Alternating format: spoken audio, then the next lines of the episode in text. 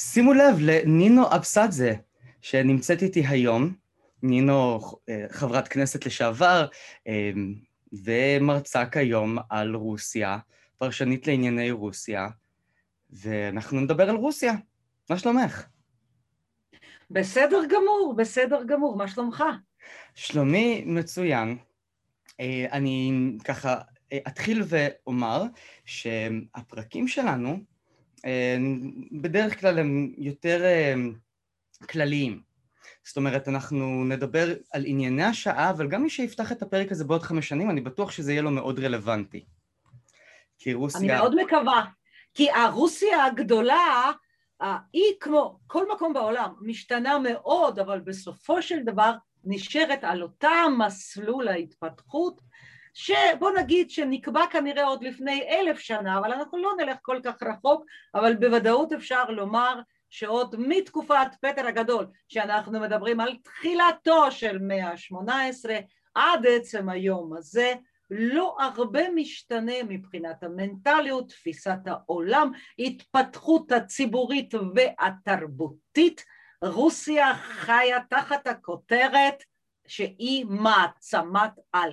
גם שזה לא תמיד, המצב שלה לא תמיד תואם מצב של מעצמת על, עדיין היא חיה ומתנהגת כאילו, ולא כאילו, בעצם, ללא שום ספק, לא רק היא רואה את עצמה, גם העולם, מאותה תקופה של פטר הגדול, רואה במדינת ענק הזאת מעצמת על, גם אם מבחינה כלכלית היא לפעמים וכמעט אף פעם לא מתקרבת ליכולות של אותה אמריקה הגדולה. תראי, אני חושב שיש מילה אחת שמתארת אה, בצורה מדויקת את אה, הלך הרוח הרוסי. המילה הזו, ואני מקווה שאני הוגה את זה נכון, גסוזה סטוויניצ'סווה. גסודרסטוויניצ'סווה. דה. ממילה גסודרסטווה. государство. וואלה, קבל את כל המחמאות שלי, כי אפילו אני ונו, אני איכשהו חושבת לפחות שאני יחסית יודעת רוסית, אבל במילה הזאת היא כמעט ולא משתמשת. государственничество, государственность, זה ממלכתיות, זה בא ממילה ממלכה, מדינה, государство. אה, וזה נכון ולא נכון, ותכף ננסה להבין מה.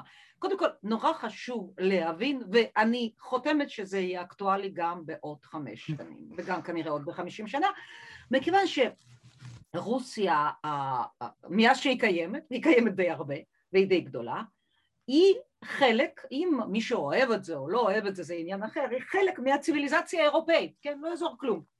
היא חלק מאותה, הם, הם נראים אותו דבר, מתלבשים אותו דבר, מתפללים כמעט אותו דבר, כן, אירופה זה קתולים בעיקר, כאן זה פרבוסלבים, אבל זה חלק מהציוויליזציה האירופאית. אממה, שהיא מתנהגת ההפך הגמור ממה שאנחנו uh, מכירים בציוויליזציה האירופאית הזאת. למשל, שאומרים לי, או לכל אחד מאיתנו, אבל אומרים לי סין, דבר ראשון שאני יודעת להגיד, או, oh, זה פלנטה אחרת. וזה אומר שאני לא מבינה בזה כלום, כן? אני רק יכולה לנסות, אבל אני באמת לא מומחית. אבל אנחנו מבינים על סין שהיא פלנטה אחרת.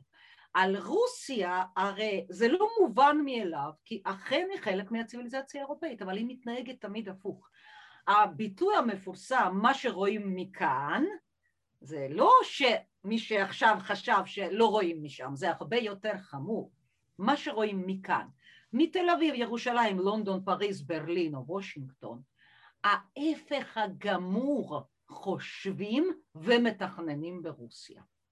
וזה נורא חשוב כי מי שמנסה להבין את רוסיה דרך הספר האמריקאי פשוט מקבל תוצאות הפוכות לחלוטין ואי אפשר למדוד או לנסות להתנהל מול רוסיה דרך הספר האמריקאי כי זה פשוט בלתי אפשרי. זה לא נותן את התוצאות הנכונות ובגלל זה כמעט אף פעם לא קיים דיאלוג. ויש חוסר הבנה טוטאלי בעצם במערב הגדול וזה גם אצלנו וגם באמריקה. מה זאת רוסיה, מה הן שאיפותיה, מה היא באמת רוצה המדינה הזאת וזה נורא חשוב להבין כי רוסיה היא עוד פעם לא כמו כל המדינות האחרות שאנחנו מכירים אבל היא גם לא כמו סין שאנחנו לא מבינים עליה כלום.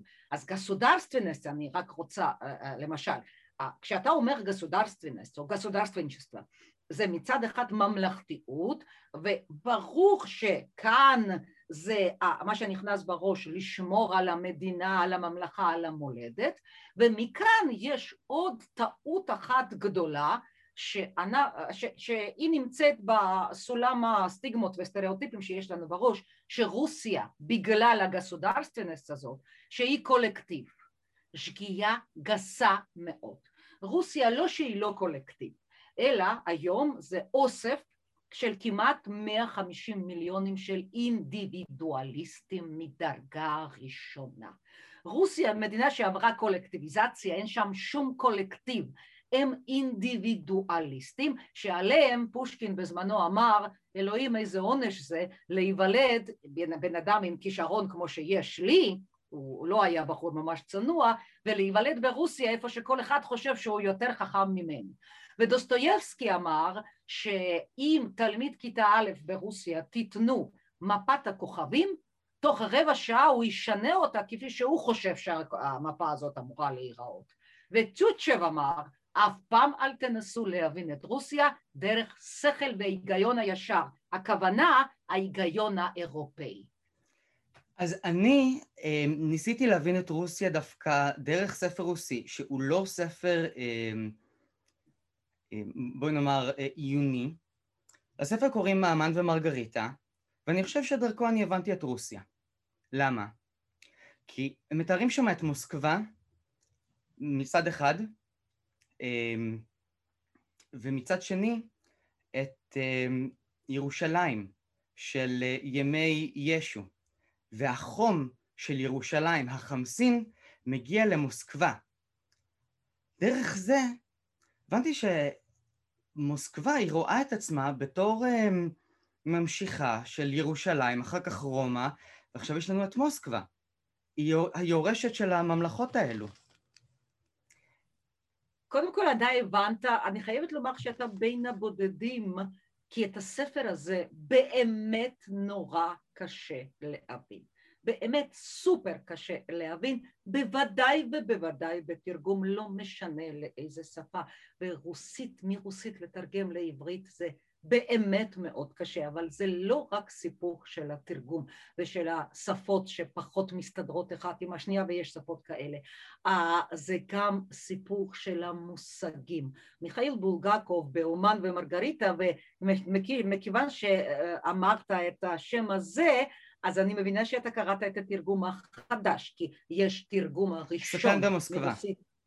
נכון, השטן במוסקבה, אז האומן ומרגריטה לדעתי יותר מקרב אותנו להבין, אבל עדיין זה, הייתי אומרת כמעט בלתי אפשרי, כי זה צריך, זה בכלל בעיה של הפרוזה ופואזיה הרוסית, בכלל, כי כמעט ובתרגום, דרך התרגום אי אפשר להעביר את האטמוספירה של אותו הקהל שבשבילו זה נכתב. תראה, אה, למשל פושקין, כן? נעזוב את בולגקוב לרגע. פושקין, אה, צרפתית הייתה כמעט שפת האם שלו, לא פחות מהרוסית בטוח, כן? הוא מדבר וכותב צרפתית, אבל הוא בעצמו לא כל כך יכול לתרגם את עצמו, הוא כתב בצרפתית גם. אבל את, את, את העומק ואת מה שהוא מתאר בשביל הקהל שמבין רוסית זה לחלוטין שונה ממה שהוא יכול לעשות בכל שפה אחרת לדוגמה בצרפתית שזה כמעט שפת האם. ובנוסף לבולגקוב הייתה שם מטרה ברורה מאוד ומטרה הזאת גם היא מראה לנו עד כמה אנחנו לא מכירים את רוסיה קודם כל ובית עד כמה רוסיה לא דומה בתרבות שלה בוודאי ובוודאי לשום מקום אחר בעולם. למשל, אנחנו כולנו מכירים את הביטוי הפתגם המפורסם שהתותחים רועמים, המוזות שותקות. נכון, שותקות, רק לא ברוסיה. ברוסיה מוזות אף פעם לא שותקות. אבל, אבל, אבל, בזמן המלחמה מה שנכון נכון, בדרך כלל ב-99 אחוזים המוזות הרוסיות הן יורות יחד עם התותחים לאותו הכיוון, נגד האויב, בעד כמובן הפטריוטיות, וזה ברור, זה לא קורה רק ברוסיה אלא כמעט בכל מקום בעולם. אבל, אבל, שאין המלחמה המוזות הרוסיות יודעות להפנות את האש שלהם נגד הממשל ונגד השליט. עכשיו, זה רלוונטי לכל תקופה, אה, כי כשפושקין כותב דברים נוראים על הקיסר, קיסר כועס, אבל הוא לא מוציא אותו להורג, הוא רק שולח אותו, מגרש אותו מעיר הבירה, ופושקין ממשיך בכפר שלו לכתוב דברים לא פחות חשובים, כמו למשל יבגני אוניגין, כן? אבל אה, דבר אחד זה קיסר, שזה מונרכיה ובוודאי זה לא דמוקרטי וזה רע, אבל דבר אחר זה הבולשביקים שנלחמו למען הצדק החברתי ודמוקרטיה ונולד שם מנהיג כמו סטלין. אגב, גם לנין בכלל לא היה טלית שכולה תכלת, אבל אנחנו יותר מכירים שלושים שנות שלטונו של סטלין, שזו הייתה דיקטטורה נוראית מדרגה ראשונה.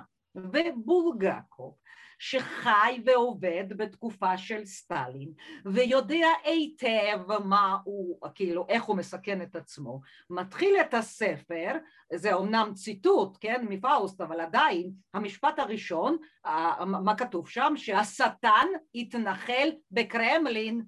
מה יותר גרוע מזה אתה יכול להגיד לסטלין? כשאתה יודע שהקורא הראשון שלך יהיה סטלין בוודאי ודרך אגב, כאן חשוב לציין שסטלין, חוץ מכל הדברים שהוא, נוראים שהוא עשה, הוא גם היה משורר.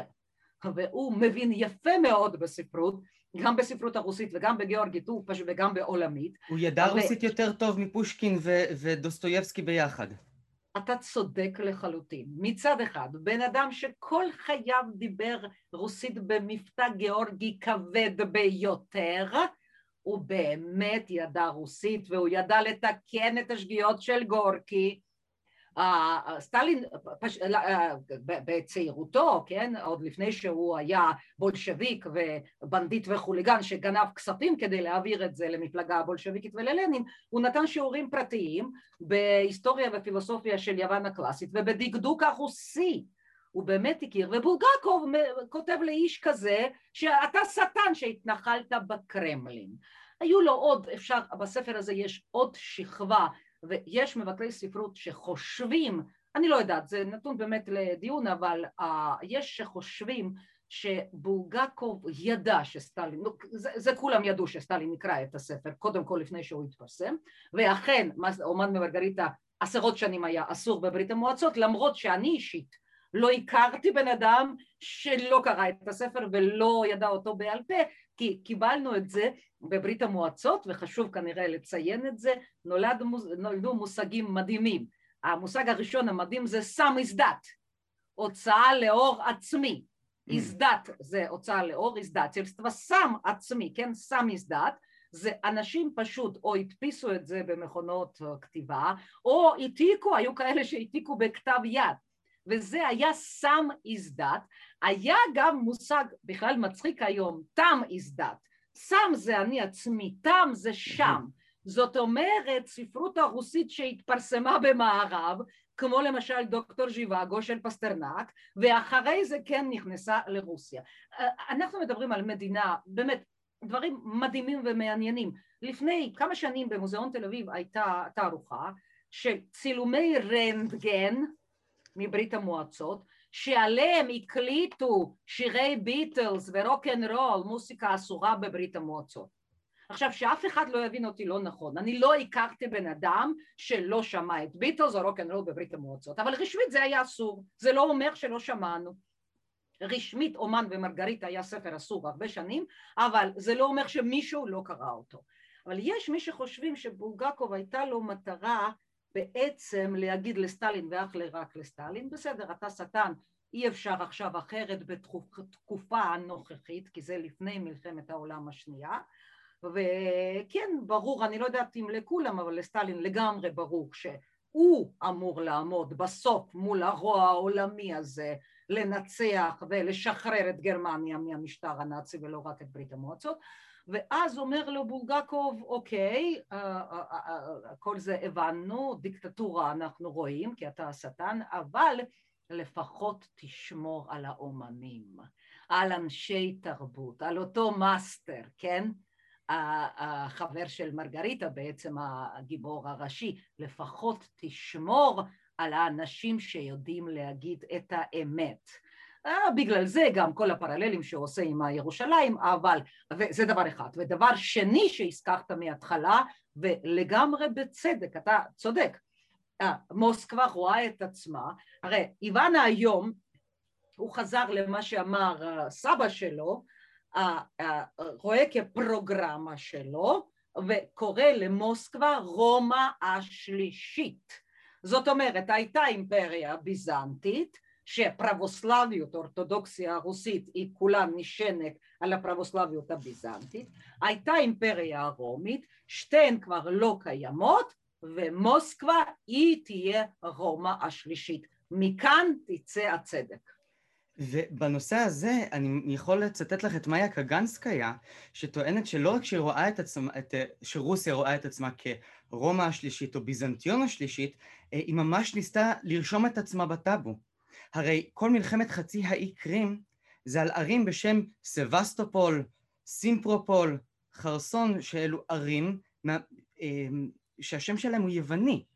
הם, מנס, הם נתנו שמות מהמיתולוגיה היוונית להרים לחופי הים השחור כדי להגיד אנחנו ממשיכים את ביזנטיון מהמקום שבו זה נעצר.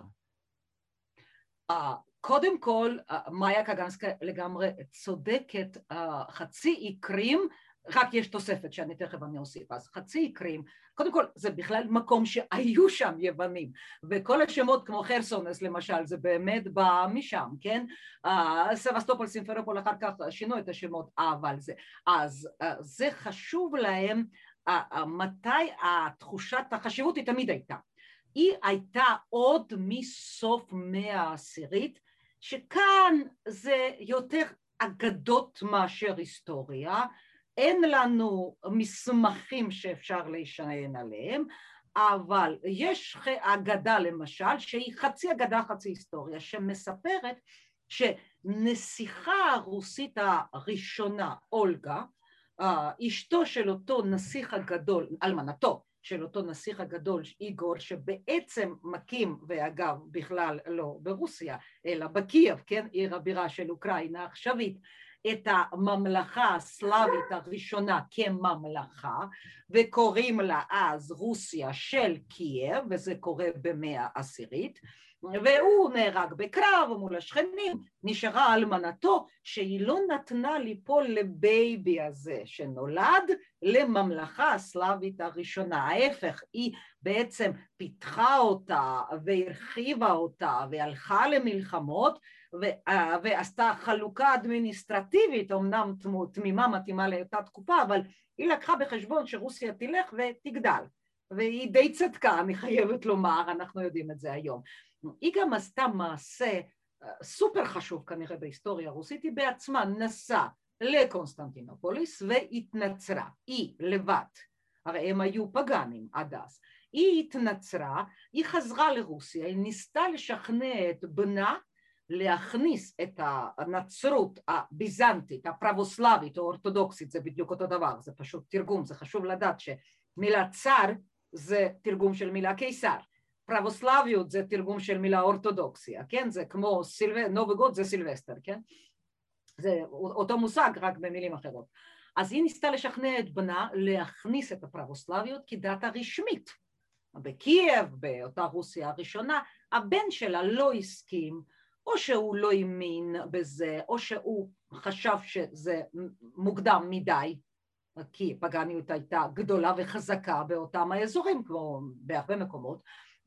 יכול להיות שהוא היה פוליטיקאי יותר חכם מאשר אמו, ופשוט הגיע למסקנה שזה לא הזמן.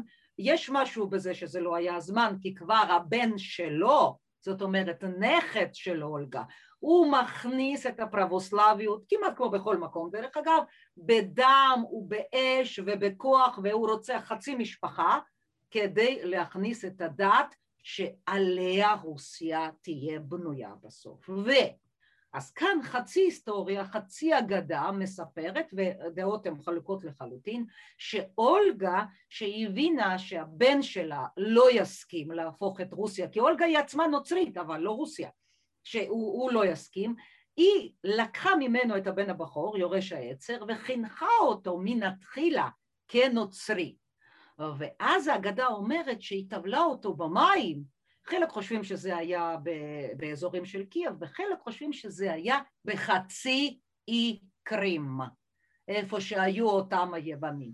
אי אפשר היום לדעת, אבל יש תיאוריה כזאת, כך או אחרת, עד עצם היום הזה באמת בקרים יש מקומות קדושים ללא שום ספק, קוראים לזה נהר הירדן הקרימאי וכל המקומות איפה שבאמת באים אנשים ויש תהליך התפילה של הילדים ומתפללים ואומרים שאולגה עשתה את זה לקדוש הראשון של הכנסייה הפרבוסלבית כי אותו נכד ולדימיר גדל נהיה המלך או נסיך הגדול, אז זה היה הסטטוס, והוא הכניס את הפרבוסלביות, כן? והוא הופך לקדוש הראשון של הכנסייה, מכיוון שהוא לגמרי שינה את ההיסטוריה של רוסיה, יחד עם הפרבוסלביות, שהיא בניגוד לקתוליציזם לא חיה, הרי באירופה יש את הכנסייה ויש את האפיפיור ויש את הקיסרים, כן? ברוסיה הכנסייה הולכת יחד עם הממלכה עם הגסודרסטווה, גם הכנסייה היא גסודרסטווניה הרבה יותר מאשר התחלנו מזה,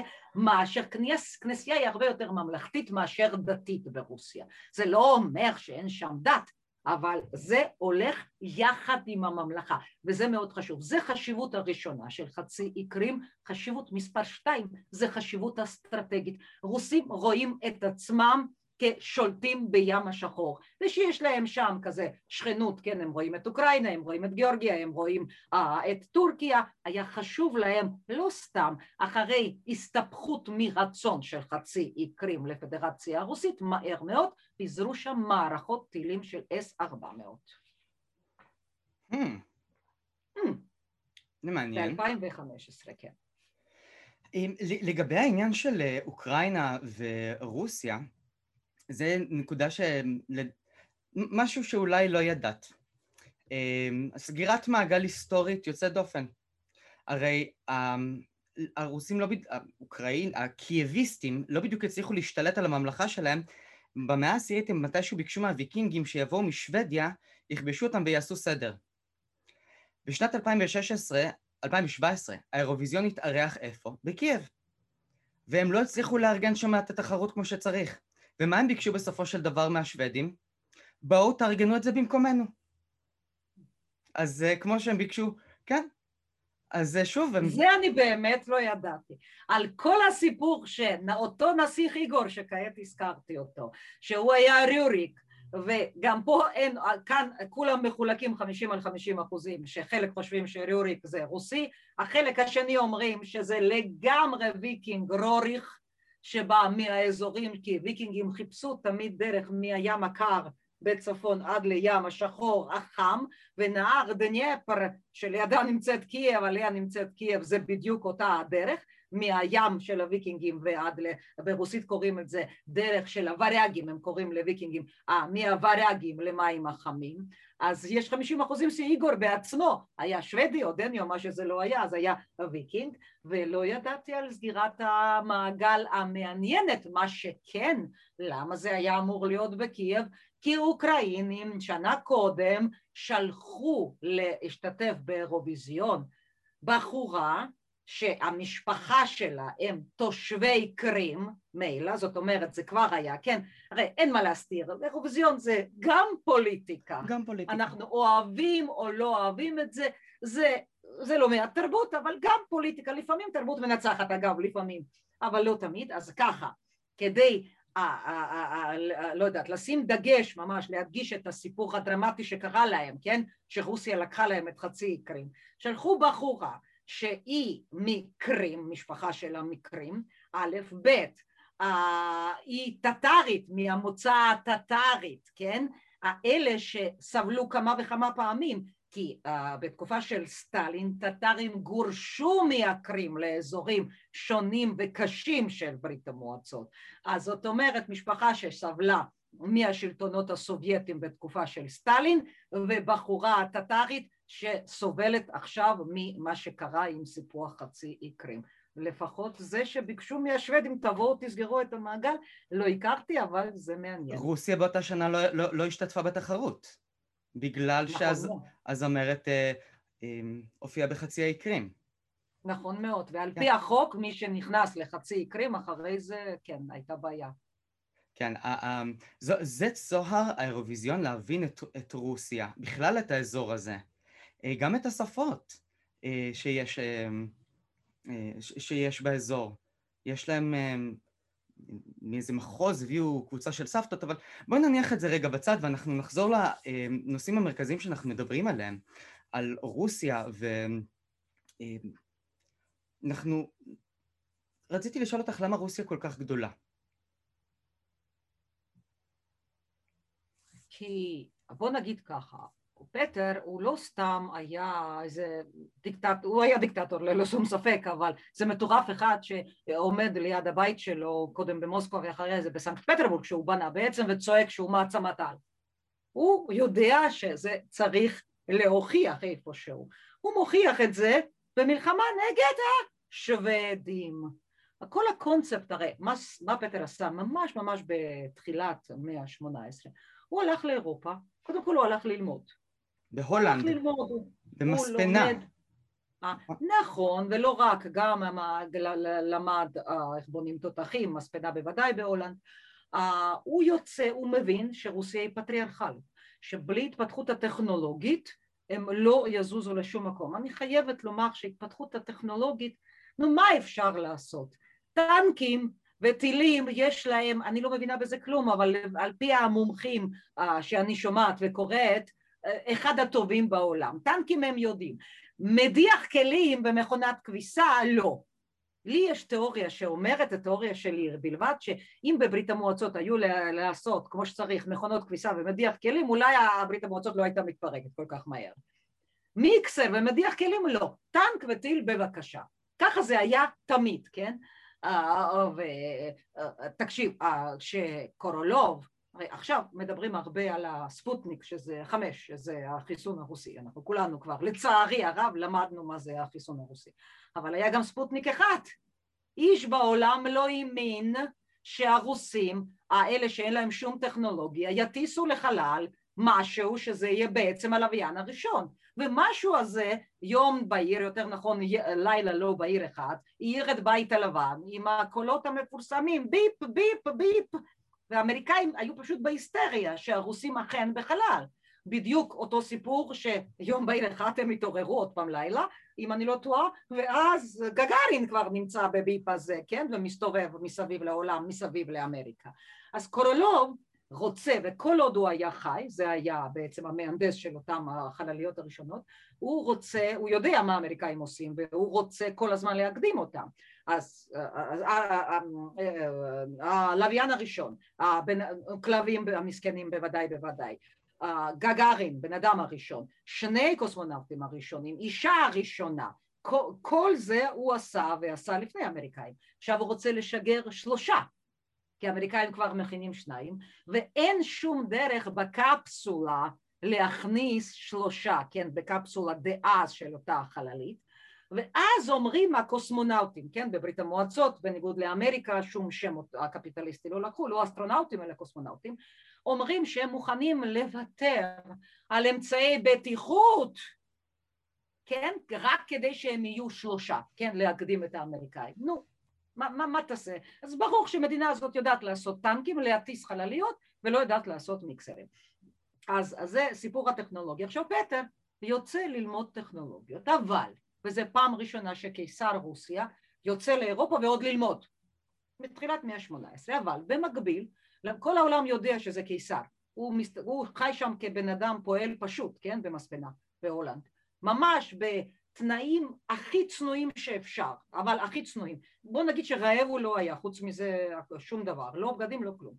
אמ, אגב, כשהוא השתתף בבניית אחד האוניות הולנדיות מההתחלה עד הסוף, בתור כבוד אה, נתנו לו להרים את הדגל על האונייה, זה היה מקובל. ופטר, כמו כל דיקטטור, מאוד אוהב סמלים, הוא גם יודע שסמלים עושים יחסי ציבור, לא יעזור כלום, אנחנו משתכנעים בזה גם במאה ה-21, כמו הסיפור של להזמין שוודים באירוויזיון, כשמדברים עליך אחר כך, כן, בוויינט או בניו יורק טיימס, זה חשוב. והוא רואה את הדגל, אומר וואלה איזה כיף, ומכניס גם לרוסיה דגלים שלא היו קודם. מה הוא עושה? הוא, הוא לוקח את הדגל ההולנדי, הופך אותו. זה אותם צבעים, לבן, אדום וכחול, רק פשוט uh, בסדר uh, הפוך, uh, לא, זה צריך לראות, אני גם מתבלבלת תמיד, אבל לא משנה. אז הוא במקביל מנהל משא ומתן דיפלומטי עם שליטי אירופה דאז, ומנסה להסביר ולשכנע אותם במשהו שכעת נשמע די פרגמטי. פטר אומר לשליטי אירופה, הוא מדבר עם הבריטים, עם האוסטרים, הוא אומר, תקשיבו חבר'ה, אימפריה עות'מאנית היא בעייתית, זה אסלאם אגרסיבי שמאיים לא רק עליי, הוא מאיים על רוסיה כי הוא בים השחור וזה מפריע לפטר, כן? הוא קרוב לחצי קרים, אבל ופטר אז חשב להרחיב את רוסיה על פי מודל של לבנה היום, דרומה ומזרחה. הוא לא הסתכל מערבה וצפונה, הוא רצה להגיע לים השחור ודרום זה היה הכיוון שלו. הוא אומר לאירופאים, אני לבד לא יכול, בואו נאחד כוחות, ביחד נשתיק את העות'מאנים האלה פעם אחת ולתמיד. עכשיו אירופה מסתכלת על הדוב הרוסי הברברי, הדיקטטור הזה, וחושבת לעצמה, מה לנו, מה לנו עם הברברים הללו, מה פתאום? ודבר שני שלא אומרים כמובן בקול רם, אבל כן חושבים, למה לנו להתאמץ? עוד שנייה גדל פה ילד, מלך שוודיה, צעיר, אנרגטי, שחושב שחלקים מרוסיה בכלל שייכים לממלכה שלו, על בסיס אותה אגדה או לא אגדה שהייתה במאה העשירית, אז הוא יגיע, יש לו צי מספר אחד בעולם, טוב שההולנדים לא ישמעו ולא יכעסו, כי הם גם חשבו שיש להם צי מספר אחד באירופה, סליחה, והוא יגיע, לא יישאר זכר מאותה רוסיה, וזהו, אז נחיה בלי הדוב הלבן המפחיד הזה. ומה שקורה, פטר רואה שבמקום לעזור לו, המערב עוד מחכה מתי יגיע אויב יותר חזק ממנו וישמיד, נו, חלק לפחות מרוסיה.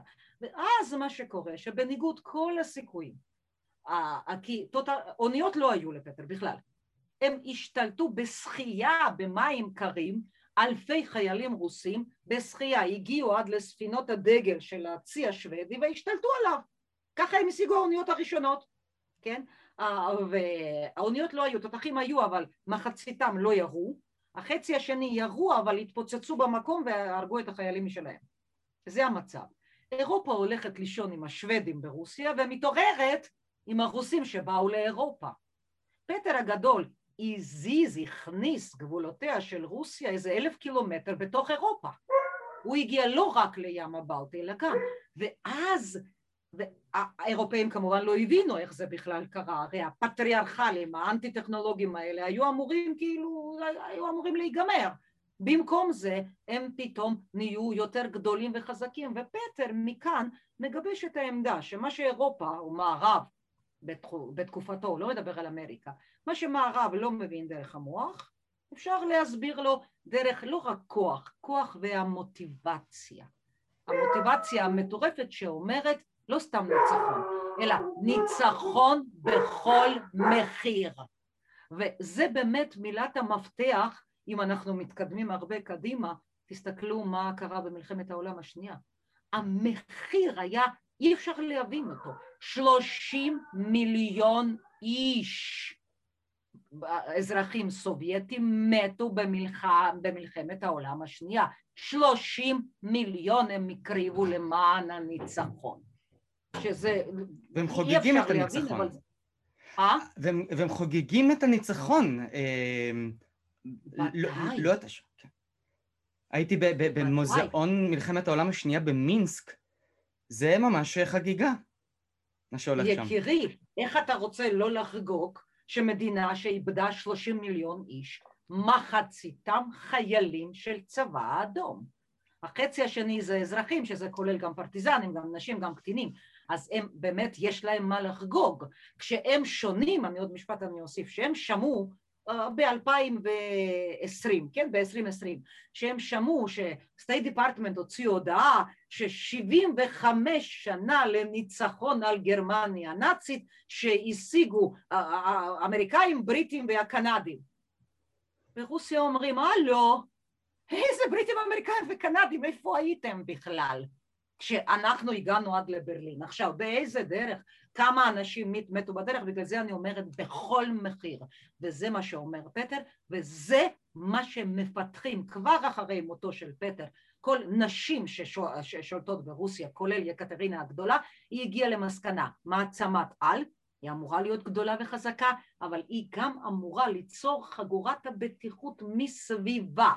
והיא הולכת וכובשת פי שלוש יותר שטחים מאשר פטר כבש ובמושגים של היום ליטא, לטביה, אסטוניה, אה, אוקראינה, בלרוס, מולדובה, גיאורגיה, ארמניה, זה מגיעה, גיאורגיה לא בתקופתה, קצת יותר מאוחר, אה, לא משנה, היא מגיעה עד לאסיה המרכזית ויוצרת חגורת הבטיחות מסביב לרוסיה.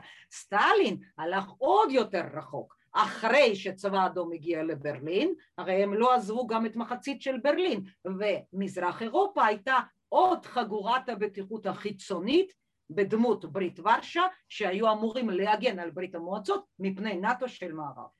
אז יש לנו את פטר שמפתח את רוסיה, מגדיל אותה ומעצים אותה. יש לנו את סטלין שמקריב את אזרחיה של רוסיה על גדולתה ושמה הגדול. והיום יש לנו את פוטין שהוא לא זה ולא זה. להבדיל כל ההבדלים, אנחנו בהחלט יכולים לשים את המנהיגים שכעת הזכרת באותה שורה, עוד פעם להבדיל כל ההבדלים, כי אף אחד מהם, כאן אני חייבת להוסיף משהו, סטלין לא עשה את זה בשביל עצמו, כל אחד שנמצא שם בראש הפירמידה, האם זה פטר שבכלל היה הילד הארבע עשר של אביו ובכלל לא היה אמור להיות קיסר אלמלא אימא שלו עשתה כל מיני קומבינות והוא עשה הפיכה בארמון, האם זה סטלין שבא מגיאורגיה, הבן של סנדלר רעב לפת לחם, אם זה פוטין בחור שנולד בסנקט פטרבורג והיה קצין KGB בדימוס, הם עברו דרך שונה לחלוטין אבל כשבן אדם מגיע לראש הפירמידה. מה-DNA שלו, מהברית שלו, יוצאת כל שייכות לחבורה, חמולה, לאום, דת, לא משנה. מול העיניים שלו יש רק דבר אחד, גדולתה של רוסיה כמעצמת על. ושלישייה הזאת, למה אני אומרת שיש, אני הייתי מוסיפה לשם גם את אלכסנדר הראשון, שניצח את נפוליאון בעצם. נפוליאון כבש את מוסקבה ב-1812 וב-1814 אלכסנדר כבש את פריז. הם ארבעת המנהיגים האלה, אלכסנדר אגב בניגוד לכל האלה שהזכרתי, הוא בכלל היה אריסטוקרט מדרגה ראשונה, הוא דווקא כן היה אמור להיות מלך, כן? הוא הגיע בוא נאמר גם לא בקלות אבל עדיין נכד של אקטרינה הגדולה. הם כולם הולכים על פי אותו קונספט של פטר הגדול, אנחנו מעצמת על, כן אנחנו פחות טכנולוגיים, פחות ליברליים, פחות דמוקרטיים, פחות עשירים, בוא נגיד פי מיליון בכל תקופה, אבל יש לנו את הקונספט שלנו ויש לנו מה ללמד את העולם. ועוד פטר אמר, תמיד יהיה מישהו שני, כן, מולנו, אבל דברו איתנו בגובה העיניים, כי אנחנו בדיוק כמוכם. רוסים גם היום אני לא נכנסת לסיפורה של סין, זה באמת פלנטה אחרת ויש היום שלוש מעצמות ללא שום ספק, אבל לרוסים יש דרישה.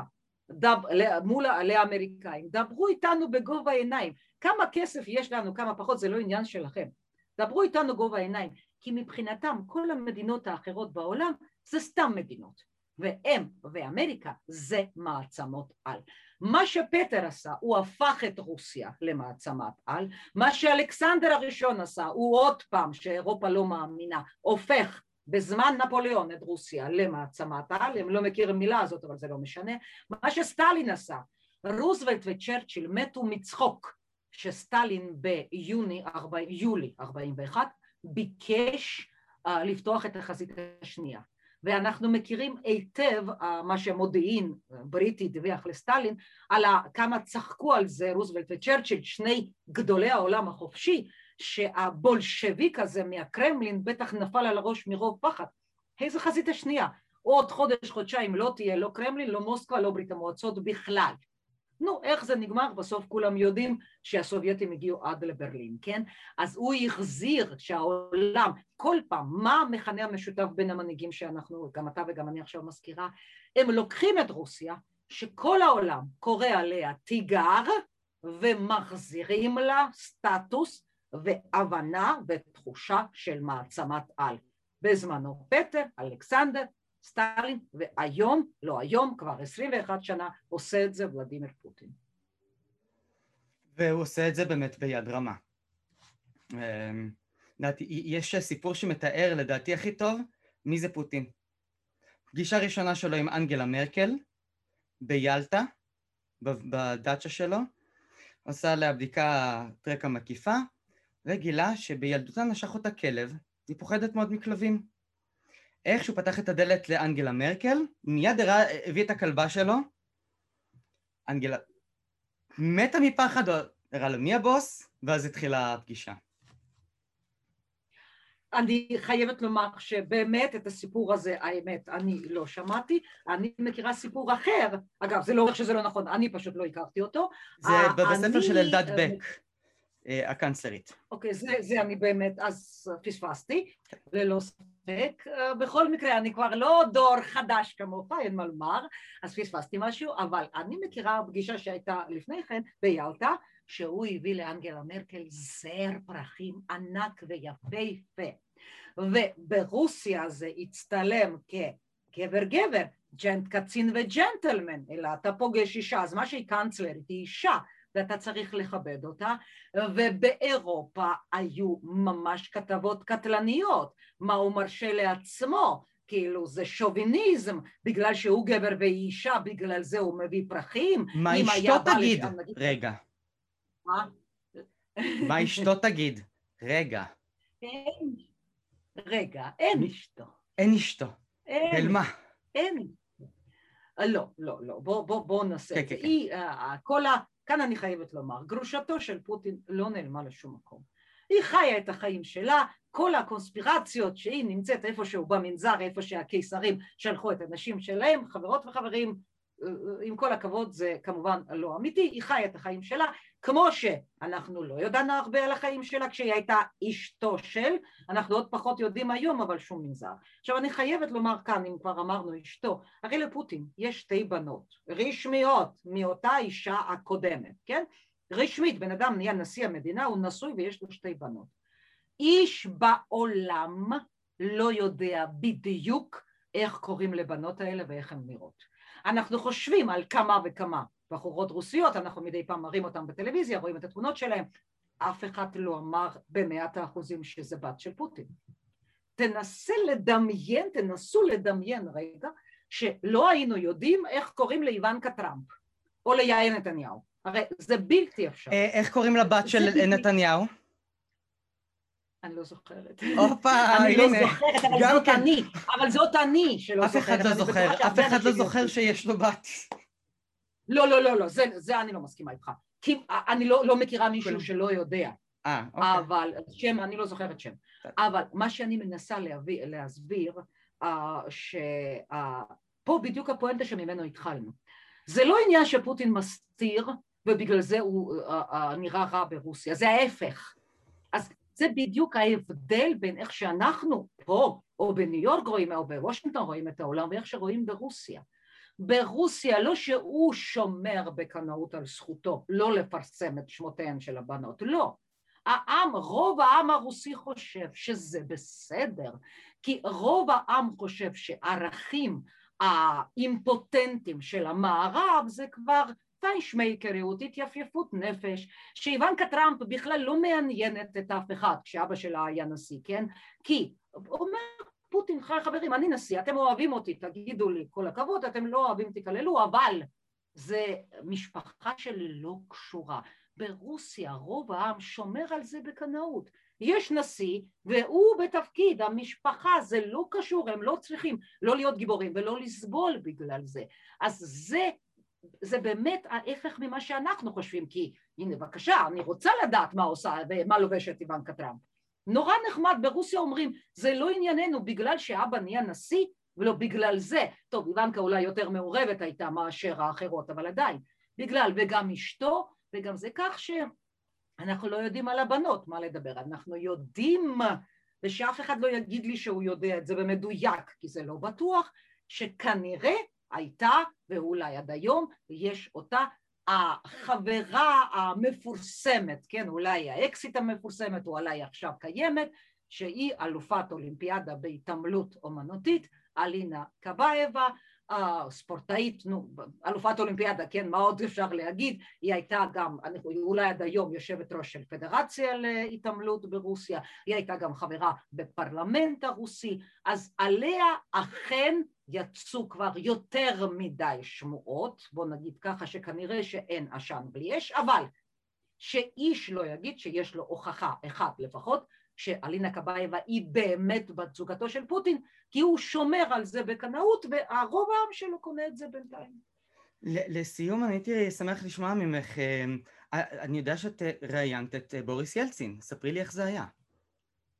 אני ראיינתי את בוריס ילצין, אני חייבת לומר שזה אה, לא היה, בוא נגיד ככה שמהנשיאים של רוסיה או ברית המועצות אני פגשתי גם את מיכאל קורבצ'וב וראיינתי אותו, אני ראיינתי גם את בוריס ילצין ואני אפילו דיברתי אמנם כמה דקות אבל בארבע עיניים עם ולדימיר פוטין.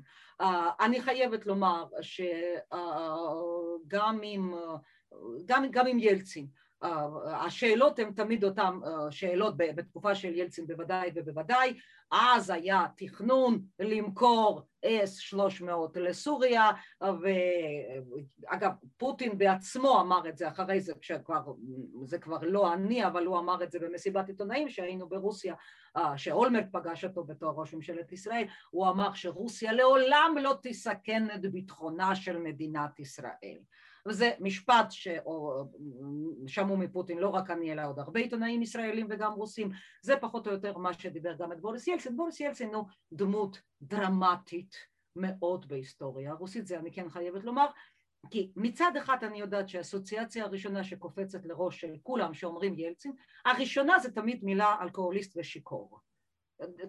לא ראיתי בן אדם שאומר אחרת ו מיד כשאני מתחילה את המשפט הבא אומרים אה נכון נכון כי אני אומרת חברים אבל מתי הכרתם את ילצין?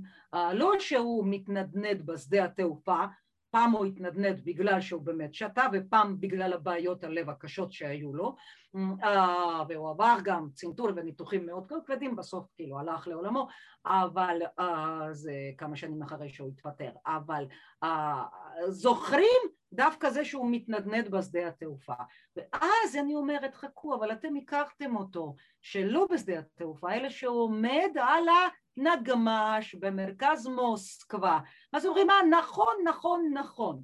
כי אלמלא ילצין ברית המועצות אי אפשר להגיד את זה בוודאות כי היסטוריה לא סובלת שאומרים מה היה קורה אם אבל אלמלא ילצין ברית המועצות ב-1991 לא הייתה מתפרקת כנראה. כי חצי שנה לפני ההתפרקות קבוצה של גנרלים ופוליטיקאים, פוטשיסטים מדרגה ראשונה, חונטה פוליטית צבאית, פשוט סגרו את גורבצ'וב במעצר בית בחצי קרים, איך לא, השתלטו על המדינה, הכריזו מצב חירום, הכניסו דיוויז, שתי דיוויזיות למוסקבה והודיעו שהם מתכוונים למנוע את, ה, את ההתפרקות של האימפריה הסוציאליסטית, כן נקרא לזה ככה היום. הם לא הצליחו, למה? כי היחידי באותם הרגעים, גורבצ'וב היה במעצר בית, לא היה לו שום דרך לתקשר עם העולם, כן, ביממה הראשונה בכלל, עד שידענו שהוא חי. הבן אדם היחידי שלא פחת מאותם דיוויזיות, הרי מה היה צריך? צלף מתחיל אחד, והיום אף אחד לא היה יודע מי זה ילצין בכלל. והוא נעמד שם על הטנק, והוא נאם והוא קרא לעם לצאת לרחובות ואני חושבת שבפעם הראשונה בהיסטוריה הרוסית מהפכה דמוקרטית של העם אכן הצליחה שם. העם יצא לרחובות ופוצ'יסטים שמתוכם יש שר ההגנה של ברית המועצות, מרשל האחרון, מתוכם יש ראש KGB ומפקד חיל אוויר, גם מרשל של ברית המועצות, שיכולים לפוצץ חצי עולם, הם תפסו רגליים קרות ועשו אחורה פנה, חלק אפילו התאבדו, חלק ישבו בכלא על בגידה במולדת ושוחררו, אל תדאגו להם, וילצין בעצם ניצח וברית המועצות התפרקה, והוא נהיה הנשיא הראשון של רוסיה. אממה, למה אני אומרת דמות דרמטית, שהוא עשה לא מה שעם רצה, אלא מה שהעם היה צריך, מה שרוסיה הייתה צריכה, הוא ניסה להפוך אותה לילדה טובה במשפחת העמים הבינלאומית, הוא, נס, הוא הלך בעקבות האמריקאים, הוא ניסה להתחבק עם המערב, ועם הרוסי במהלך עשר שנות ילציניזציה, קפיטליזציה, דמוקרטיזציה, אמריקניזציה של רוסיה, הגיע למסקנה כשהם מתחבקים עם המערב, המערב, המערב לא מכבד אותם, הם לא רצו להתחבק, הם רצו שהמערב יכבד אותם, הם חזרו למה שפטר אמר, אוקיי, שאנחנו טובים, אז מיד מתחילים לחנך אותנו ולומר, אוי חמודים קטנים, בואו תלמדו מה אתם תהיו, שרוסיה תהיה גדולה.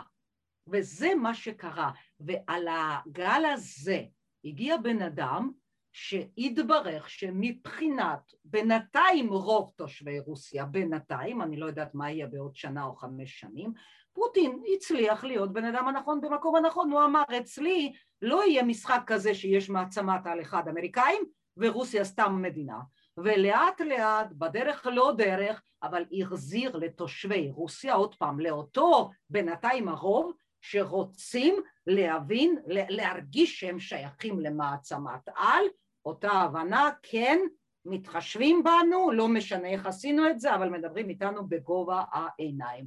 בוודאי ובוודאי שליד אותו הרוב יש חלק מהעם, כמו אלכסיי נבלני, שחסרים להם זכויות האדם, זכויות האישה, זכויות קהילה הגאה, שקיפות, חופש הביטוי, כל מה שרגילים לדרוש ולקבל במערב, שזה חסר להם, אבל, אבל כאן אני חייבת לומר שנבלני התמודד על רשות, על אה, ראש עיריית, על תפקיד של ראש עיריית מוסקבה, אפשר לראות את זה על המפה.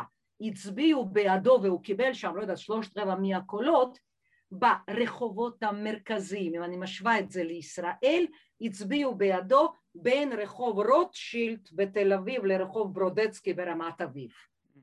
אזור חיוג 03 המצומצם של מוסקבה, כן? אז uh, זה נורא נחמד, אבל רוסיה, כמו שאמרנו, היא גדולה, ובינתיים, בינתיים, כן, ולדימיר פוטין, כן, גם מי שלא אוהב אותו, אומר הוא החזיר לנו סטטוס של מעצמה. אנחנו, אה, אה, כמובן ש... נסיים באנקדוטה אחרונה, זה שעכשיו רוסיה שולחה, שלח, שלחה לאירוויזיון, בחרה בקדם שיר שאומר אה, האישה רוסיה אל תפחדי, אה, נשים רוסיות אל, אל תחששו. וכל רוסיה עכשיו יוצאת נגד השיר הזה. מה זאת אומרת? יש סיבה אה, שאישה רוסיה תפחד? אין שום דבר כזה שאישה, בואו נגיד ככה, אני אענה על זה uh, בציטוט של נקרסוב. אחד מגדולי המשוררים הרוסים, שבתרגום החופשי מי יודע מה שלי אמר על אישה רוסיה הדבר הבא: אישה רוסיה תעצור סוס הדוהר ותיכנס לבית הבוער. Oh. בתרגום חופשי שלי היא תצליח לעשות, ובניגוד לסטיגמות שיש לנו בראש, שרוסיה היא מדינה שוביניסטית, מצ'ואיסטית, ונשים שם לא שמעו על זכויות האישה, אני יכולה חופשי לומר שאישה רוסיה מנהלת את בעלה, את משפחתה, ואם יש צורך גם את מדינתה.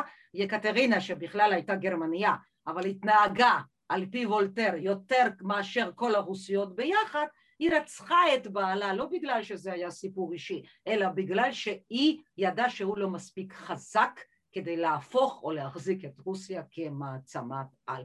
רק מה, שגם את הפמיניזם ברוסיה לא רואים גם פה אותה נקודה.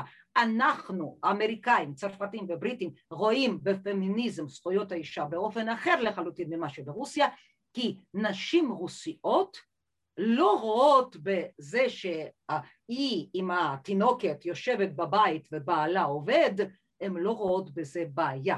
הן חושבות שזה הלוקסוס שלה לשבת בבית, לטפל בילדים, והגבר, למה היא צריכה חמור בבית? שילך לעבוד ויפרנס את המשפחה, ושיהיה גדול ושיהיה חזק, ושהיא תישאר נשית, ובואו נגיד ככה, הן שומרות בציפורניים על זכותן לא להיות חזקות, כל עוד זה אפשרי. זה נורא חשוב לציין, כי ברגע שאין מישהו יותר חזק ממנה, היא תפרנס, היא תתקן את הטנקים, היא תהיה.